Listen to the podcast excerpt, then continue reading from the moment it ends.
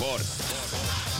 spordiminutid toob sinuni Unibet, mängijatelt mängijatele kaheksa ja nelikümmend üks minutit on see aeg, mis läheb nüüd kinni, sest Ott Järvela on läbi Tallinna liikluse jõudnud kohale. väga hea aeg, Ott.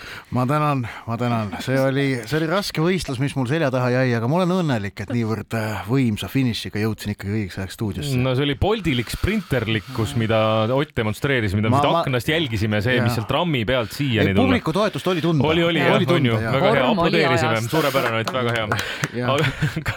tõesti, tegelikult ma saan sinu käest küsida või me saame sinu käest küsida ju seda, et Tallinna linnaliiklus on jälle natuke ikka, keeruline.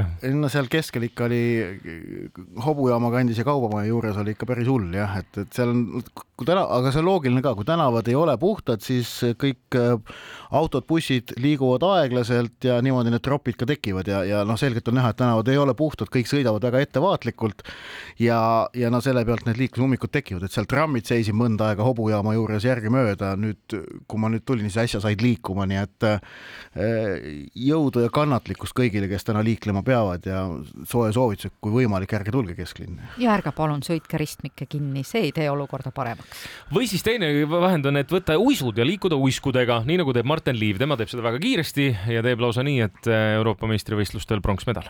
just, äh, see oli ju nädalavahetuse mis pakkus väga erinevat talisporti, aga selle vaieldamatu tipp, see laupäeva pärastlõuna, kus, kus Martin Liiv äh, Norras äh, kiiruisutamise Euroopa meistrivõistluste sprindi mitmevõistlus on see asi, mille ta, kus ta äh, hollandlaste vahel pronksmedali võttis, et see oli, see oli vaieldamatu tipphetk, ma arvan, Eesti spordis möödunud nädalavahetusel ja, ja kinnitab seda, et ähm, Martin Liiv on kõva sportlane ja et ta on stabiilne sportlane. tuletame meelde, maailmameistrivõistlustel viies mullu, olümpiamängudel seitsmes, nüüd Euroopa meistrivõistlustel medalil eh, ehk et äh, näitab kõva võistleja närvi, suutlikkust ennast kokku võtta ja säärane tiitlivõistluste kett, kus, kus järjest on head kohad, see ei ole tippspordis üldse mitte äh, sage saavutus, aga seda väärtuslikum ta on. ja, aga olles ise ka jälginud kõrvalt Martinit siin just rulluisuvõistlustel ja hiljem siis kiiruisuvõistlustel ja juba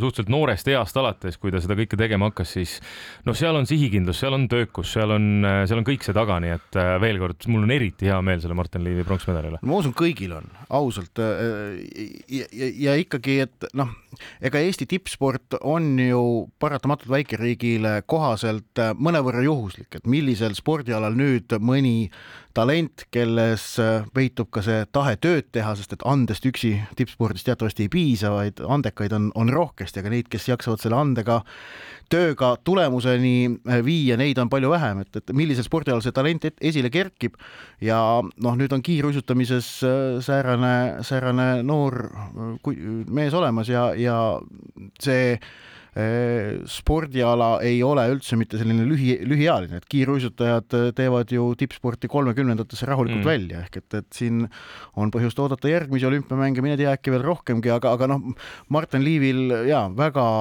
vinge tulemus. nüüd kindlasti küsitakse kohe, kas see on olümpiale ka, et ei, otseselt ei ole. see sprindi mitmevõistlus? ja sellist asja olümpiamängudel ei ole, et olümpiamängudel on üksikdistantsid, kas viissada või tuhat meetrit, aga, aga siin Liivi ootab tänavu veel ka ju maailmameistrivõistluste mm. võistlus võistlused ees ja, ja seal sõidab ta siis oma põhiala ennekõike tuhandele keskendub talvele keskendudes jätkame.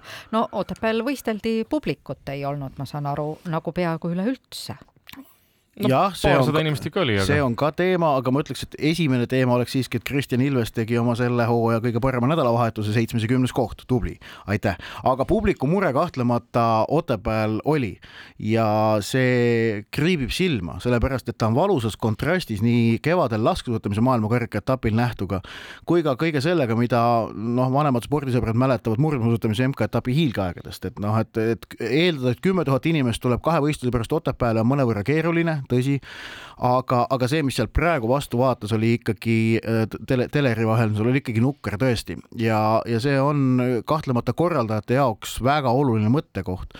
siin ei tasu süüdistada mitte kedagi muud tegelikult, vaid, vaid inimene tuleb spordivõistlust vaatama siis, kui tal on selle võistlusega hingeline side. nii on Mi,. mingi asi peab ta kohale tooma ja, ja kui seda sidet ei ole, siis, siis, siis ta ei tule ning selle sideme loomine on võistluse korraldajate mure aga meid noh, sellel aastal ootavad ju ees veel ka MK-etapp äh, sprindis, mis tuleb lauluväljakule, eks me siis näeme, kui palju eestlased nüüd murdmaa osas üldse siia kohale tulevad või välja tulevad. nojah, siin no, on, on natuke see... teine efekt muidugi ka. jah, koht on, äh, kuidas öelda, eksootiline ja, tegelikult, sest et suusavõistlus lauluväljakul on midagi teistmoodi ja no meil Tallinnas ja Harjumaal, palju meil siin elanikke on, et siin, siin võiks nagu olla mõnevõrra hõlpsam seda publikut tuua no tahaks loota, et, et, et seal seda muret ei ole, aga, aga see muidugi on meeldetuletus iga võistluse korraldajale, et, et võistlus ise võib olla ükskõik kui vägev, tugev ja tipptasemeline, aga publikuga on vaja luua hingeline side. Läheme talvest suvesse. tennist mängitakse Austraalias.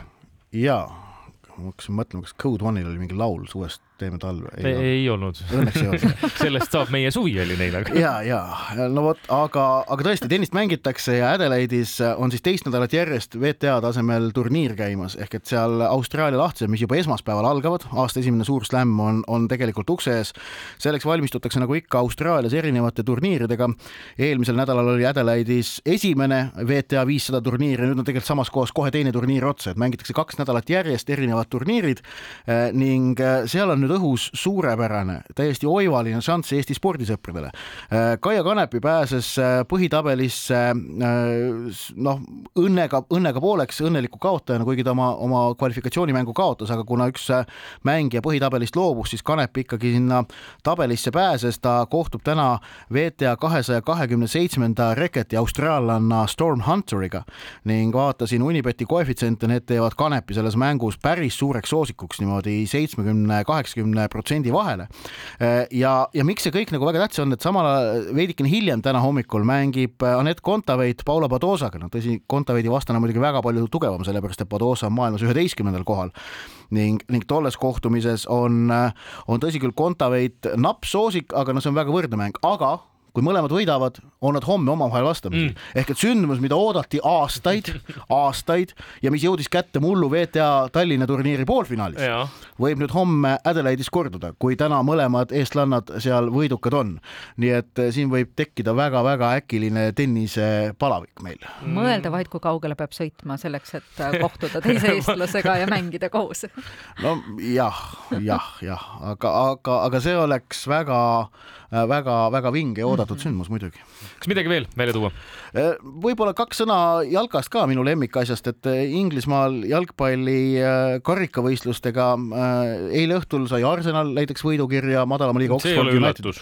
ja aga no Newcastle United nädalavahetusel kaotas näiteks sellele Sheffield Wednesday'le, kes on tugevuselt kolmandas liigas. ja Aston Villa sai ka vähem, ma saan aru. sai tugevuselt neljanda liiga satsi käest tappa, aga täna õhtul on siis Inglismaal tähtsuselt teiste, teise karikasarja ehk liiga karikasarja veerandfinaalid ning Newcastle, seesama, kes kaotas nädalavahetusel äh, Sheffield Wednesday'le, mängib nüüd Leicester City'ga, on Unibeti koefitsientide järgi äh, küll selles mängus selge soosik, aga noh, nagu karikamängud näitavad, kõike võib juhtuda ja Man Unitedil täna õhtul vastas Charlton, no see on madalama liiga sats, et seal, sealgi äh, Unibet teeb Unitedi selliseks kaheksakümne viie protsendiliseks võidusoosikuks normaalajal mm., aga karikamängudes on siin juhtunud üht koma teist. pool minutit on aega, kas United on pärast Ronaldo lahkumist parem või halvem?